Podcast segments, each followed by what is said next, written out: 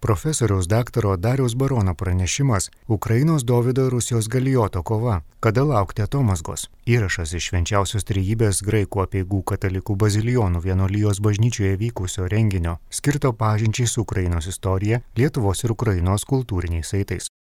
Tai kas tie graikų katalikai, kas tie ukrainiečiai ir, ir kodėl mes čia atėjom, žiūrime ir kalbame. Tai va šiandieną mūsų akiratį praplės ir papasakos tiek, tiek apie šią vietą, tiek apskritai apie tokį platesnį, platesnį vaizdą. Du žymus istorikai, istorikas ir meno istorikė, Darius Baronas ir Rūta Janoninė. Bet dar reikia prieš, prieš kviečiant pirmąjį pranešėją pasakyti, na, kad mūsų šito e, susitikimo tikslas yra finansinė parama e, konkrečiai šiai vietai arba dar kitaip pasakius šioje vietoje dabar gyvenantiems, e, turbūt gyvenančioms reiktų sakyti, karo pabėgėliams. E, Vienolyno vienoje dalyje e, Kolumbo riteriai, tai toks katalikų vyrų samburis, susitaręs, paprašęs Vilniaus arkivyskupo Gintaro Grušo, įkūrė tokį, na, pensionatą, viešbutį pensionatą, kuriame gyvena apie 90 iš Ukrainos karo, iš karo pabėgusių e, moterų ir vaikų daugiausia ir Kolumbo riteriai e, rūpinasi jų taip pat ir maitinimu. Ir maždaug kiekvieną dieną reikia 500 eurų, norint pamaitinti tas 90 asmenų, mamų, vaikų. E, šil, ten šildymas, komunaliniai dalykai čia jau Vilniaus arkiviskupija remia, tai labai prašome būti dosniais e, dosnėmis ir išeinant e, tiek Kolumbo riteriai ten su, su aukų dėžutėmis, tiek yra sąskaitos, į kurias galima tą paramą pervesti. Na ir čia dar programos scenarijaus kuriejai parašė, kad priminčiau, jog pasimtumėm šventajam arkangelui Mykolui paveikslėlį, kitoje pusėje yra malda, bet paėmiau jį prieš mišes ir ta malda mane truputį nuvylė, tokia kokia tai labai tokia kažkaip asmeninė, mano siela, mano siela. O, na, aišku, tai labai svarbu sielos išganimas, bet aš žinau tokia arhaiška, sena šventam arkangelui Mykolai malda, kurią tikrai žinau dabar daug kas kalba ir jis sukasi socialiniuose tinkluose. Tai ten antroji maldos dalis yra ne apie mano asmeninį išsigelbėjimą, bet jis skamba maždaug taip. O tu dangaus galybių kunigaikšti, kuris šietoną, šietoną ir visas piktasias dvasias, kurios pasaulyje ir skliausteliuose prideda ir Ukrainoje slankėje tykodamas praryti sielas, Dievo galybę nutrenki pragarą. Amen. Tai vad aš tą maldą siūlyčiau kalbėti, negu tą, kur parašyta paveikslėlėje. O dabar kviečiu profesorių Darių Baroną perskaityti pranešimą tema Ukrainos Davido ir Rusijos galijoto kova, kada laukti atomasgos. Kągi, pirmiausia noriu padėkoti šio vakaro organizatoriams, kad e, davė progą atsiliepti į tokią gražią iniciatyvą, pasidalinti savo mintimis apie Ukrainą.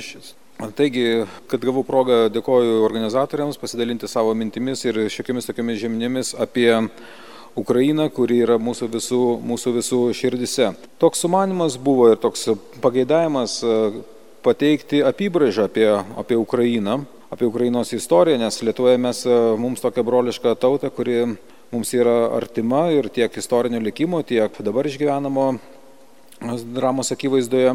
Aš pagalvojau, kad e, galbūt verta tokia ilgesnį, nesusitelkti ties viena tema, gal pateikti, kurios mano požiūriu atrodo tokios svarbesnės nuo pačių seniausių laikų. Ir mano tiesiog temas kelias paliesiu, galiu tiesiog anonsuoti, kad man atrodo svarbu yra pakalbėti apie Kievo Rusiją, apie Rusijos krikštą, kodėl Kyivas toks svarbus yra, kasgi tie stačiatikiai, kodėl žiūrime ukrainiečių stačiatikiai vienokie, rusų stačiatikiai yra vis, visai kitokie. Ta norėčiau vesti mintį prie to, kad turėtumėm kažkaip iš Rusijos imperinio tokio dominavimo ištraukti Bizantijos paveldą, nes kad, kaip matome, Graikijos stačiatikiai Ukrainos stačiatikiai gali būti visiškai draugiški katalikams, iš jų galime daug, daug ko pasimokyti, iš jų dvasingumo tradicijos katalikai semėsi, pažiūrėkime, kaip ikonos mūsų džiugina visus katalikus ir pasižiūrėkime, kokie gali būti stabmeldžiai, kokie gali būti žudikai tie, kurie yra iškrypę iš tokio teisingo kelio. Taigi norėčiau sakyti, kad Bizantiją mes irgi turime stengtis lietuviai netapatinti vien tik tai su Rusija, nes matome tam tikrus akidangčius, kuriuos Rusija mums yra uždėjusi ir iš to reikia vaduoti adaptuotis, tam reikia, tam reikia pastangų. Kitas dalykas, aišku, kalbame apie iš kur ta Ukraina, dažnai, dažnai žmonės klausia, iš kur tas pavadinimas. Tai čia yra įvairiausių tokių idėjų. Vienas paprastesnių yra LDK šaltiniuose, kas Lietuvos metriką vartote, skaitote, yra, bent man nuo seniausiai buvo žinomi tokie dalykai, kad tarkime, tai paribys, pakraštys. Tos, pažiūrėjau, pilis buvo minimo 16 amžiaus amžiuje Lietuvos metrikoje, kurios gynė nuo maskolių mūsų, mūsų bendrą, bendrą valstybę, taip ir vadinosi Ukrainoje Zamkijų, Paparibio, tai Kanevas, Čerkasai, e, Kyjevas, visos tos e, Paribio pilis buvo, buvo Ukraina. Tai galima sakyti, atrodo toks pavadinimas, bet pagalvokime ir mūsųgi mes sakome kraštas Ukraina, kraštas paribys ir mes sakome mūsų kraštas ir čia iš tikrųjų tam tikra teritorija ir tam tikras teritorijos akcentas taip pat šitoje, šitame žodėje turi būti, būti, būti, būti girdimas. Pirmą kartą Ukraina beje, beje yra paminėta senokai, 1187 metais Haličio metraštė, toks pirmas žinomas paminėjimas 12 amžiaus pabaigoje. Bet pats tas kraštas, kas Kyjevas sritis dažniausiai būdavo vadinama Ruska zemlė. Ir čia vėlgi labai yra svarbu tos Rusios, aš norėčiau, čia kai, kai kurie senesnės kartos istorikai rašyti Rusiją, su Rusija tapatindavo, naudodavo tos žodžius kaip sinonimus, tai yra didelė, didelė klaida, didelis neteisingumas. Ir Rusiją mes iš tikrųjų turėtumėm tapatinti su tuo plačiu rytų Europos regionu, kuriame driekiasi taip vadinamas kelias iš graikų į, iš, iš variagų į graikus. Tai yra turime suprasti, kad buvo laikai, kai Rusijos nebuvo, buvo laikai, kai Baltarusijos nebuvo, kai Lietuvos nebuvo, te, bet žmonės ten gyveno. Ir tie, apie kurios laikus aš apeliuoju, tai yra koks 9-10 amžius, kai ta visa ta tokia slavų jau didžiąją dalimi apgyvendinta regionai, jį suaktyvino skandinavų aktyvumas, nes skandinavai tai būtent tiek švedijos gyventojai, tai ta aktyvioji dalis, kuri leisdavosi į tuos nuotikingus e, keliones per tas magistralinės upes, per Lovatę, Dnieprą, link Jodosios jūros, per, per Lovatę, kur Naugardas įsivaizduojate, yra link, link, link Volgos, per Volgą link Kaspijos jūros, link arabų musulmonų žemė, kur ten buvo tie civilizacijos pagrindinės dirbtuvės turto ir, ir viso ko gero šaltiniai tai jie link ten veržiasi ir aišku, tai organizuodami tokia tartautinė magistralinė prekyba kūrė pagrindus tai pačiai Rusijos valstybėje atsirasti, o tie švedai tai beje aišku ir vadinosi rusais. Ir dabar suomių kalba ruoci tai yra, tai yra, yra, yra švedai, panašiai ir estiškai yra, yra švedai vadinami.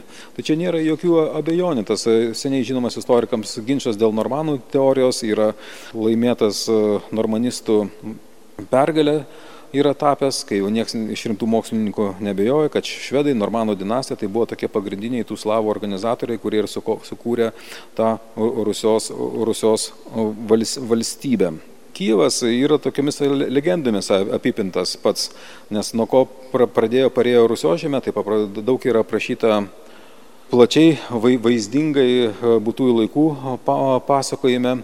Ir ten, aišku, yra ta legenda apie Riuriką, apie jo, apie jo du brolius, kai slavų ir, ir, ir finaugrų gentis pasakiusios, kad mūsų šalis yra labai turtinga, bet tvarkos joje nėra, ateikite mus ir valdykite. Na ir tokia legenda iš tikrųjų 9 amžiaus pabaigoje Riurikas su savo broliais Sinėjusiu Sveneldu įsikūrė, įsikūrė Naugardė ir po truputį nuo šiaurės ple, ple, plečia link, link Kievo. Gal, galų gale aš jau smulkiau neminėsiu visos tos peripetijos apie apie Igo, Olegą, Igorį. Kas svarbu pažymėti, kad e, Kyivas iš tikrųjų tampa tokiu kaip e, centru ir galima sakyti, kad dažniausiai tas e, tokia ašis pietų ir, ir šiaurės, kur iš, iš švariagų link, link Bizantijos nu, tu, tu judi.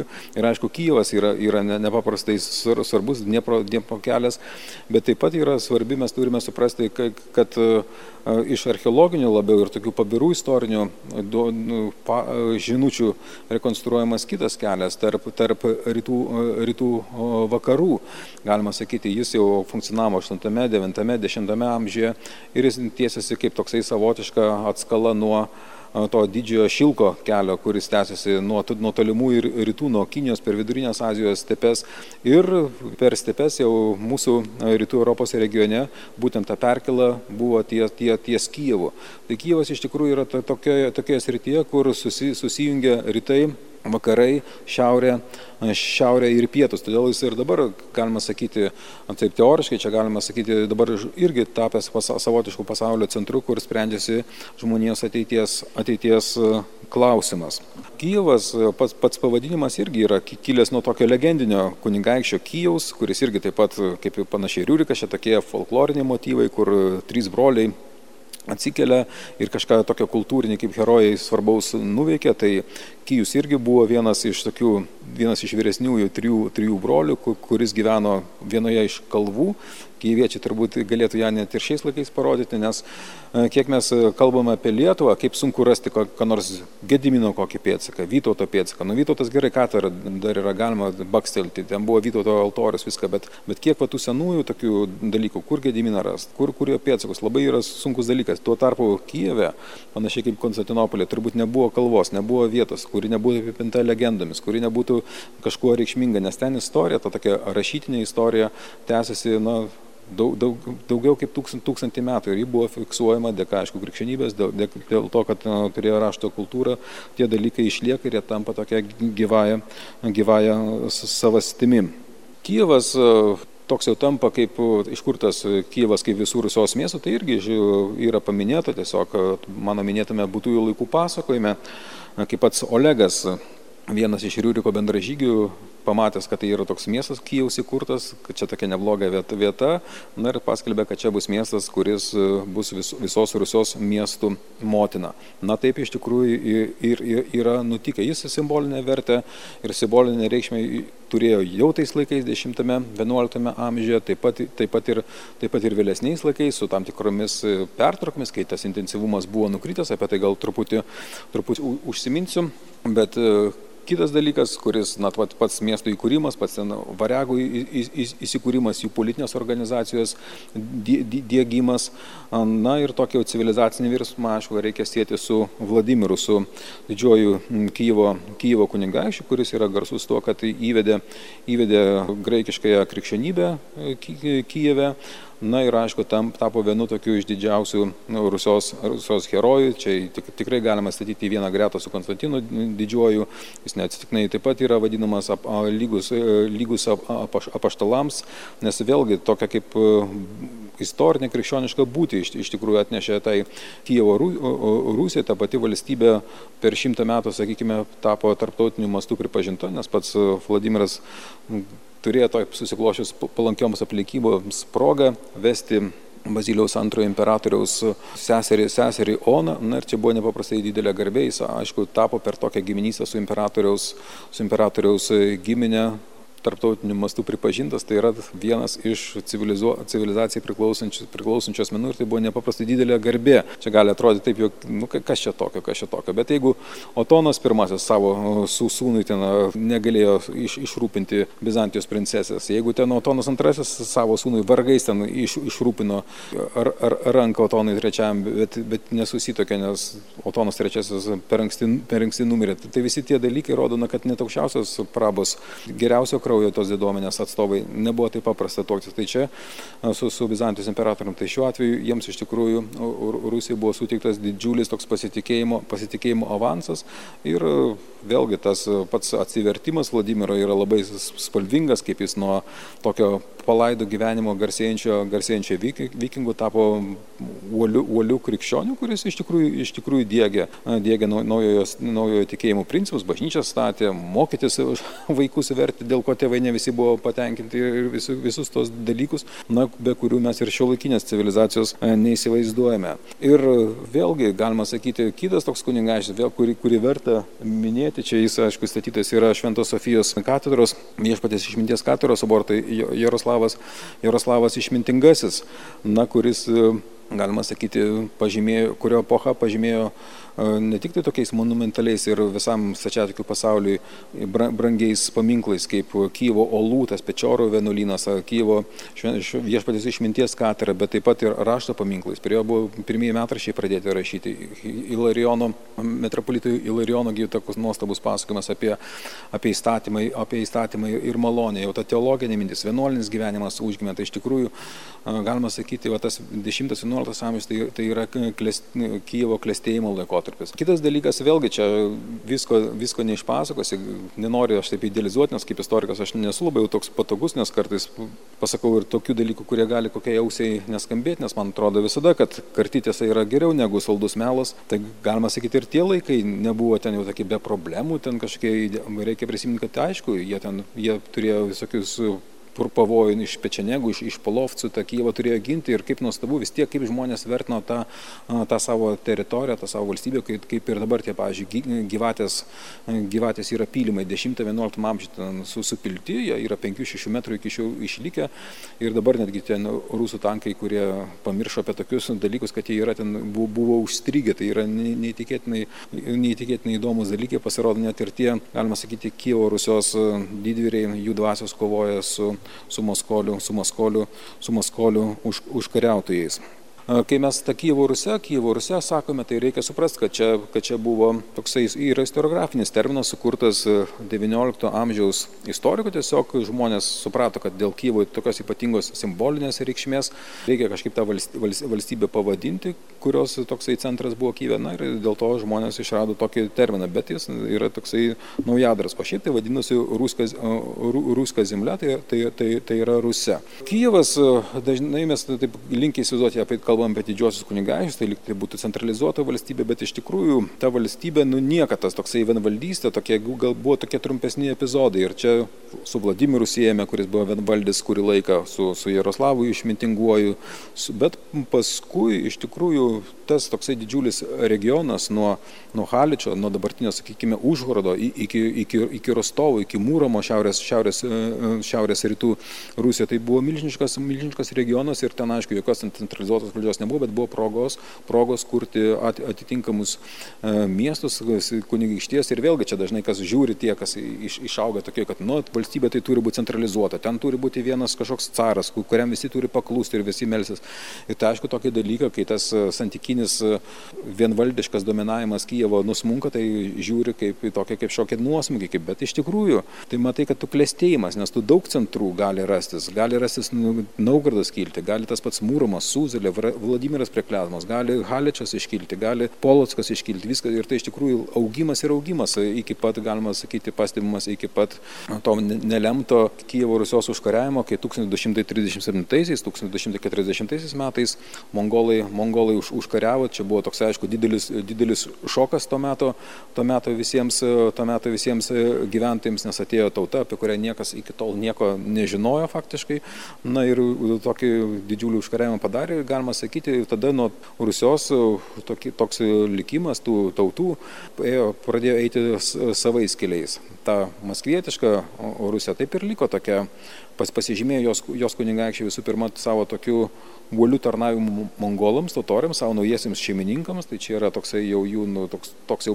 pasirinkimas, toks apsisprendimas, dėl ko kai kurie rusų ideologai ir šiais laikais labai jau ten uh, džiaugiasi, kad Aleksandras Neviškis, nes ten irgi buvo toks intrigantas, kuris ir savo brolį ten išdavė ir pasitelkęs totorius lygiai tai nu, sutvarkė jį taip pat Ivanas Kalita, ten su totoriais uh, sėkmingai tveria 1327 metais triuškino, na tai jie pasižymėjo tokiu, tokiu servilizmu savo savo totoriams. Na ir štai gavo tokią praktiką. Tai aš apie tą Rusiją daugiau, daugiau nenoriu čia kalbėti, nes čia būtų visai, visai kita kalba. Tik noriu pasakyti, kaip dažnai tas e, yra toks Rusija, tai tokia melo, melo šalis, tokia melo, melų persunkta civilizacija. Vieni dalykai yra skirti vidiniam naudojimui, kiti išoriniam naudojimui. Paskui ten patys savo tą melę susipainioja, ten, žodžiu, vakariečiams tai ypač tada sunku yra suprasti, kas ten yra, nes iš tikrųjų jie patys dažnai nežino, kas yra, o, kai, o, o iš tikrųjų veidą savo parodė ir parodo va, tokiais, tokiais kritiniais atvejais, va, koks vyksta va,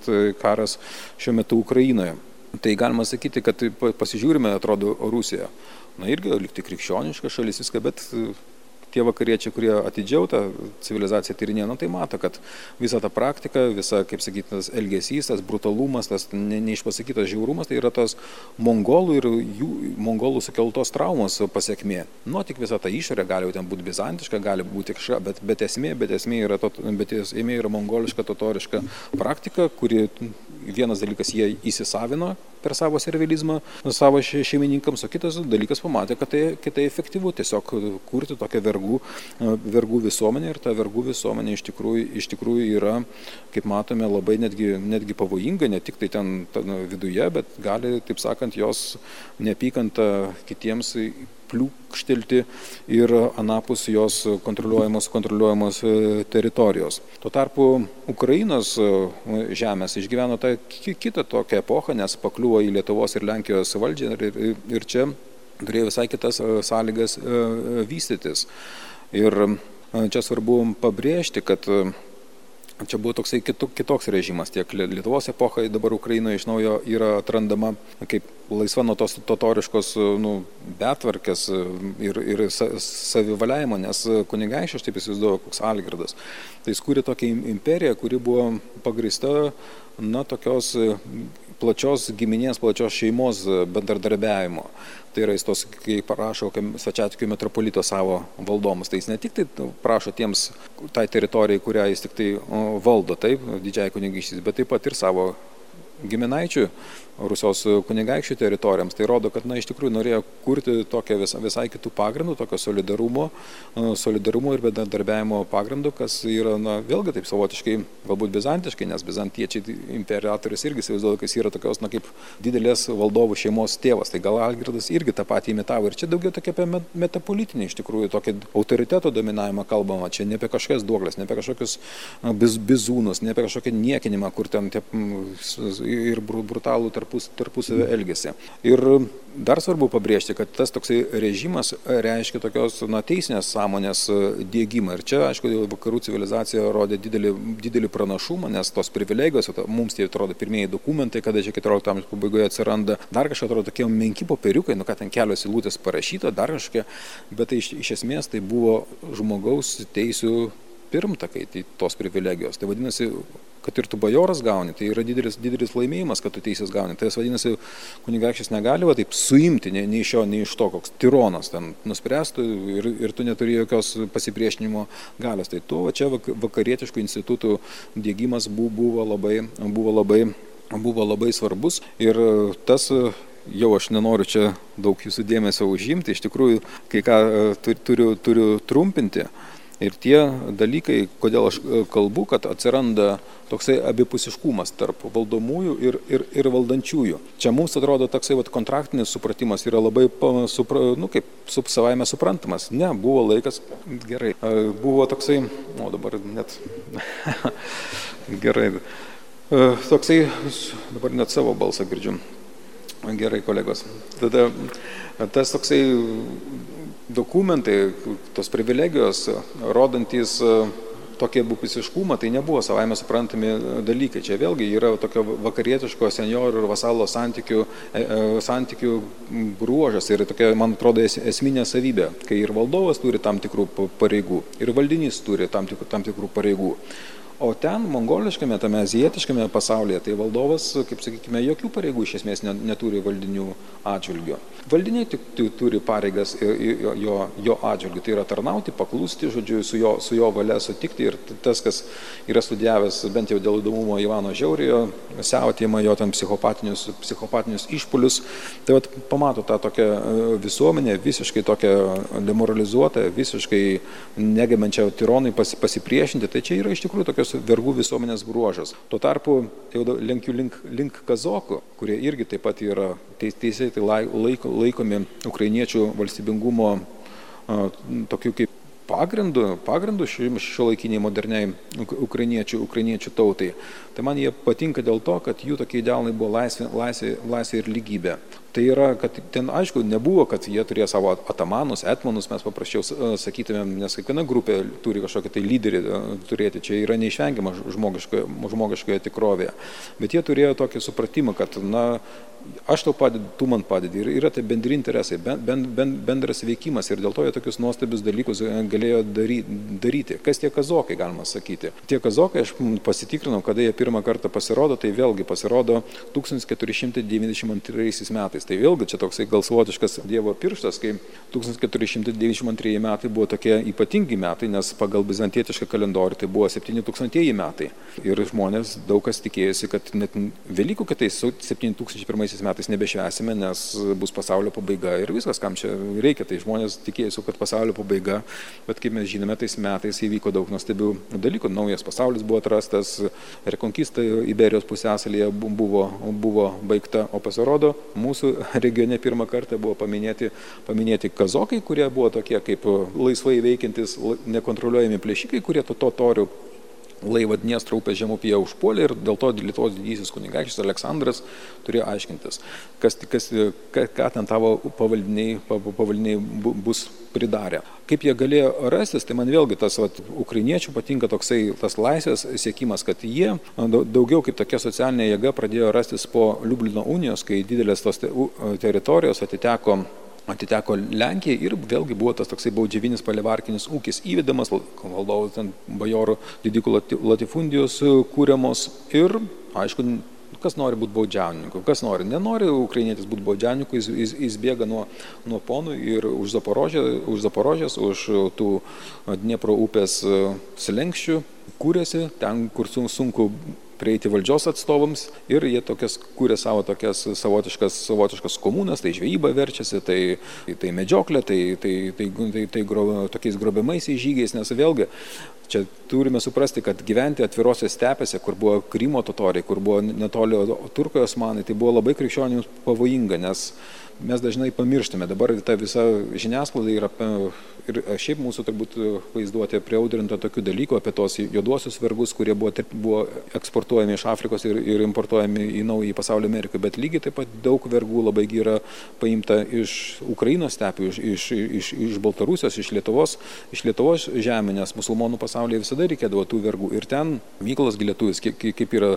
aprašęs, kad ten tie, tiek žmonių išvada, kad jau ten vietiniai Krymo e, žydai stebėjosi, ar dar yra pas jūs ant tų žmonių.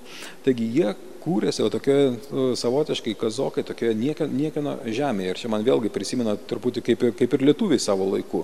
Nuo 13 amžiuje taip iš visų pusių, nu taip, buvo sunkiai tas prieinamas kraštas buvome truputį nuo šaly, bet buvo privalumas, galėjome išsaugoti, mūsų protėviai galėjo išsaugoti tokį, nu, kaip sakykime, tą tokią laisvės dvasę, nepasidavimo svetim šaliams dvasę ir tas, man atrodo, yra labai gerai ir pamokamai. Lygiai tą, tą, tą, patį, tą pačią tipologinį panašumą aš įžvelgiu tiesiog ir kazo, kazokams, kazokams kūrintis.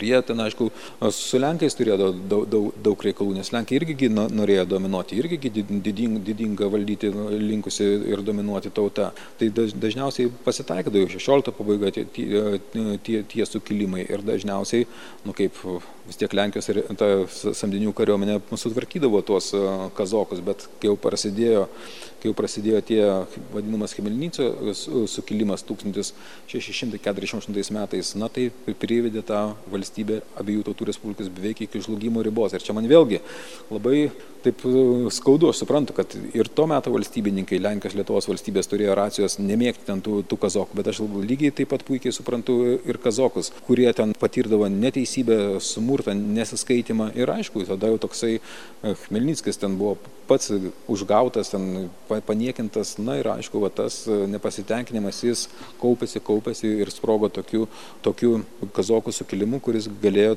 atnešti tai pačiai tą praždį abiejų tautų respublikai. Čia vėlgi aš taip e, sakau ir taip linguodamas, linguodamas galvą, o jeigu vat, būtų kažkaip va, tas to meto valstybinis elitas, na, ne tik, kad abiejų tautų respublika, būtų trijų tautų respublika, tai įsivaizduokit, kokia būtų, kokia būtų galybė, jokia Rusija nepaimtų, nes tas Rusijos toksai veiksnys, kartais mūsų istorikų yra perdodamas, tiesiog mes nu nemokėjom, nepavyko taip susiorganizuoti, nes jeigu būtų Lenkai, Lietuviai, ir, ir dar rusienai, kaip ten baltarusių, ukrainiečių gal neskirkime, na tai tiesiog būtų nepaimama ta, nepaimama ta, ta valstybė ir mūsų istorija turbūt būtų pasisukusi visai, visai kita, visai kita, kita, kita vaga.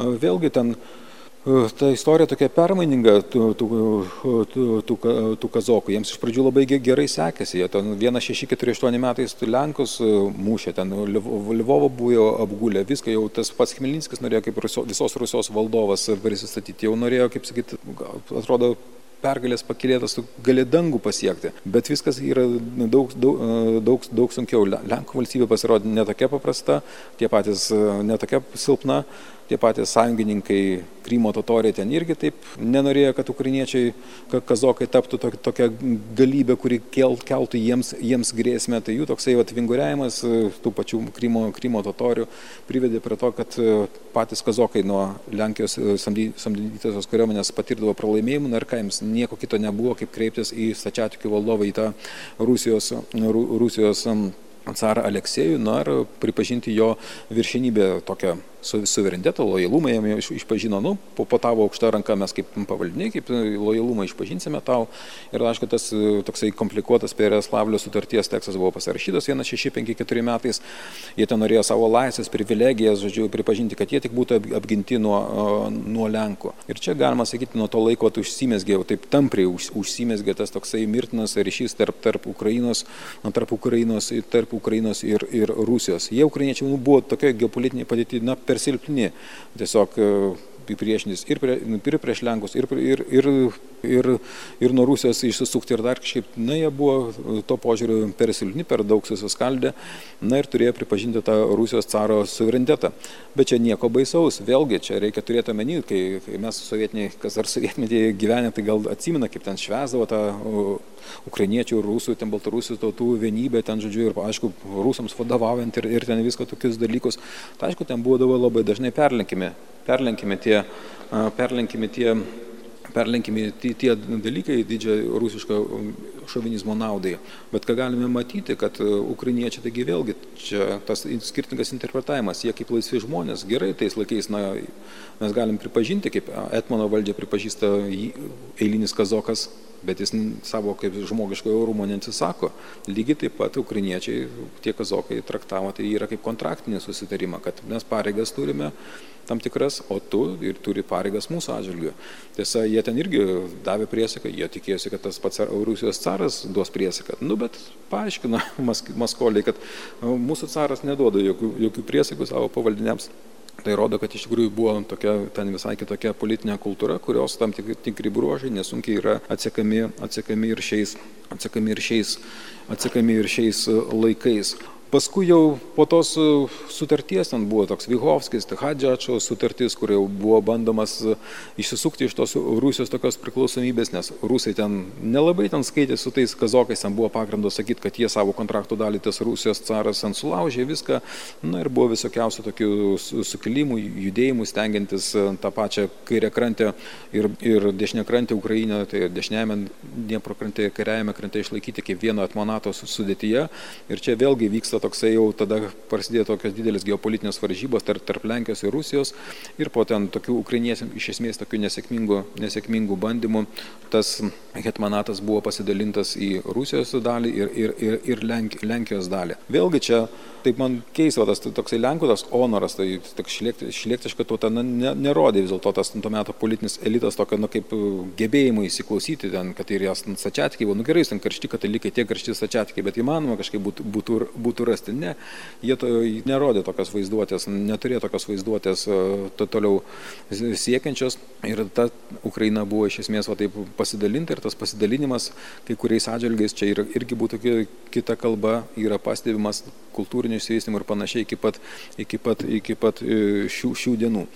Tas karas, kuris, at, minėjau, 17 amžiaus vidurėje, kur, kurį mes geriausiai žinome kaip tvanų laikotarpį, taip pat privedė ir prie tam tikrų inovacijų bažnytinėme privedė ir prie tam tikrų bažnytinių pasikeitimų, kai tas pats Kievo metropolija buvo atiduota, buvo atiduota laikinai Maskvos patriarchatui.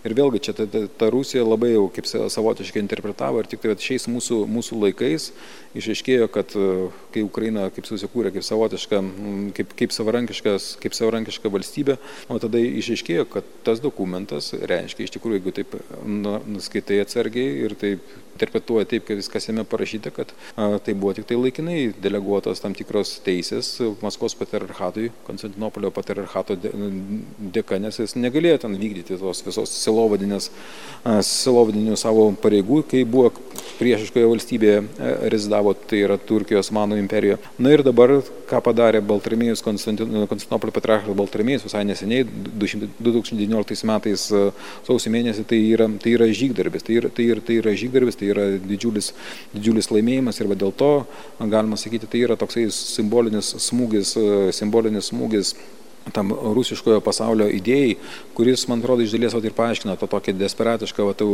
rusų imperialistų siekį parklubdyti ir sunaikinti, sunaikinti Ukrainą. Kiti dalykai, aš jau tiesiog baigsiu apie tą Tarasą Ševčenką, apie kitus autorius nekalbėsiu, bet jų tas atradimas, sakykime, tos ukrainiečių kalbos grožio, raštijos, viską man labai primena ir mūsų tautinio atgimimo laikotarpį, tas laikotarpis, Daukantas, Stanevičius, kiti mūsų tautinio atgimimo šaukliai, galima tokias gražias paralelės rasti tarp, tarp ukrainiečių, tarp ukrainiečių ir, ir, ir, ir lietuvių. Ir dabar aš tiesiog gal jau baigsiu kaip istorikas kalbėti.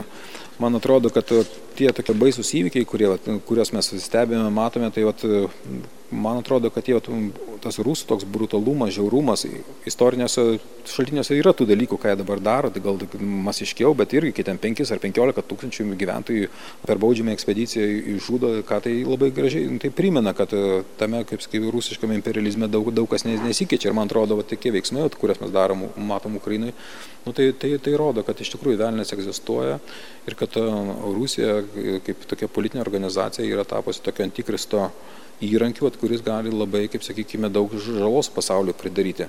Bet kitas, iš kitos pusės žiūri tą ukrainiečiai, jau vis tiek stebuklai yra padarę, tai jų tas pasipriešinimas, jų, jų kova tai rodo, kad Dievas taip pat yra kad taip pat yra ir, ir jis per savo, per savo ištikimus žmonės veikia. Ir aš taip įsivaizduoju, kad aišku yra ta Belealo, tų visų demonų kareivėje, taip pat kaunasi su Arhangelo Mykolo ir, ir, ir gerųjų angel, angelų kariauna danguje kaunasi. Ir mes jiems turime padėti ir, ir materialiai, ir, ir, bet taip pat, taip pat ir maldomis, nes čia iš tikrųjų yra tokia metafizinė kova vyksta tarp gėrio ir blogio ir mes tikrai turime dėti visas pastangas, kad, kad gėris laimėtų iki vasaros jau pabaigos tas dalykas išsispręs, bet čia turbūt il, bus ilgiau, ilgiau ta visa, visa kova, nes iš tikrųjų reikia tą egzorcizmą tokį Rusijos padaryti. Aš labai taip e, nemalonu, kad dabar jau tik tai gali būti chirurginis, man atrodo, sprendimas, tai yra karinėmis priemonėmis galima tą tokią, tą tokią velnišką mašiną su, su, su, išvesti iš reikiuotės ir kažkas turi būti pakeista, nes kas jeigu stebėt e, Lenkijos premjeras sakė, kad tai yra ideologija pavojingesnė negu Hitlerio ir Stalino ir jis turi, turi iš esmės daug, daug tiesos, nes tai yra parodija ir netgi dar iš tos pačios krikščionybės kažkaip tai pas, pasibjaurėtina, net nu, koks Hitleris, nu, tai jis buvo bent jau pagonis, bent jau kažkoks buvo, buvo, buvo antikrikščionis, žodžiu. Stalinas ir taip pat buvo krikščionis, o šitie, šitie apsimetinėje, būdami, kaip sakyti, tikrai antikristo tarnais, bet čia iš tikrųjų tokios bjaurasties ir, ir tokios blasfemijos, nu, pasaulis tikrai dar, dar nėra, nėra matęs, nes ten iš tikrųjų minios milijonai žmonių yra yra išprotėję ir kaip juos ten, žodžiu, į protą sugražinti. Tai nes tai yra elementarus dalykas, aš dabar irgi gal truputį daugiau papasakos, bet aš irgi spręsdavau kaip istorikai, ar Rusija priklauso Europos civilizacija ar nepriklauso. Man atrodo, kad nepriklauso, nes vis tiek Europos civilizacija, jeigu priklausai, tai turi būti kažkaip Jeruzalė, Atenai, žodžiu, ir, Roma. Roma tai teisinė turi būti tradicija, taip. Nu, tai yra teisės, yra tartautinės sutartys. Visos sutartys, vadinasi, nubrauktas dabar iš, iš Rusijos pusės yra. Yra kažkokia Atenai, tai filosofinė tradicija, tiesa, melą atskirti. Nėra tokių dalykų dalyko. Nu, o kas iš tikėjimo, tai yra tik tai jau parodija yra likusi, man atrodo, ten patriarchatė, jeigu KGBistas agentas yra patriarcho Maskvos, nu, tai ką, ką ten kalbėti ir ką jis kalba ir ką jis daro, tai yra nu, pasibaisėtini dalykai. Tai va, tai sakau, kada atomas gabus, kada ukrainiečiai laimės. Tik gaila man irgi, kad mes tokios, va, žiūrim, mes atrodo kaip tokios rytų ir vidurio Europos politinės bendruomenės, man atrodo, ta situacija adekvačiau adekvačiau suprantame. Kas liečia, kas liečia vakarus, man atrodo, ir prancūzus, ar kokius vokiečius, tai aš nu, kaip pasigendu tokios kryžiaus žygių dvasios. Vat, nėra. Nes jeigu tokia neteisybė būtų kokiame ten 11, 12, 13 amžiuje, nu, tikrai daugiau tų vakariečių skubėtų į, į pagalbą mušamiems, nekaltai žudomiems žmonėms. O čia matome tokį, nu, turime, kad turime, bent jau, bent jau paramą kažkokią daro, jau ir taip, bet, bet tokios kaip kryžiaus žygių dvasios aš labai pasi, pasigendu vakaruose. Ačiū. Uždėmesi. Girdėjote profesoriaus daktaro Dariaus Barono pranešimą Ukrainos Davido ir Rusijos galijoto kova, kada laukti atomasgos. Įrašas iš švenčiausios trejybės graikų apieigų katalikų bazilijonų vienolyjos bažnyčioje vykusio renginio skirto pažinčiai su Ukrainos istorija, Lietuvos ir Ukrainos kultūriniais saitais.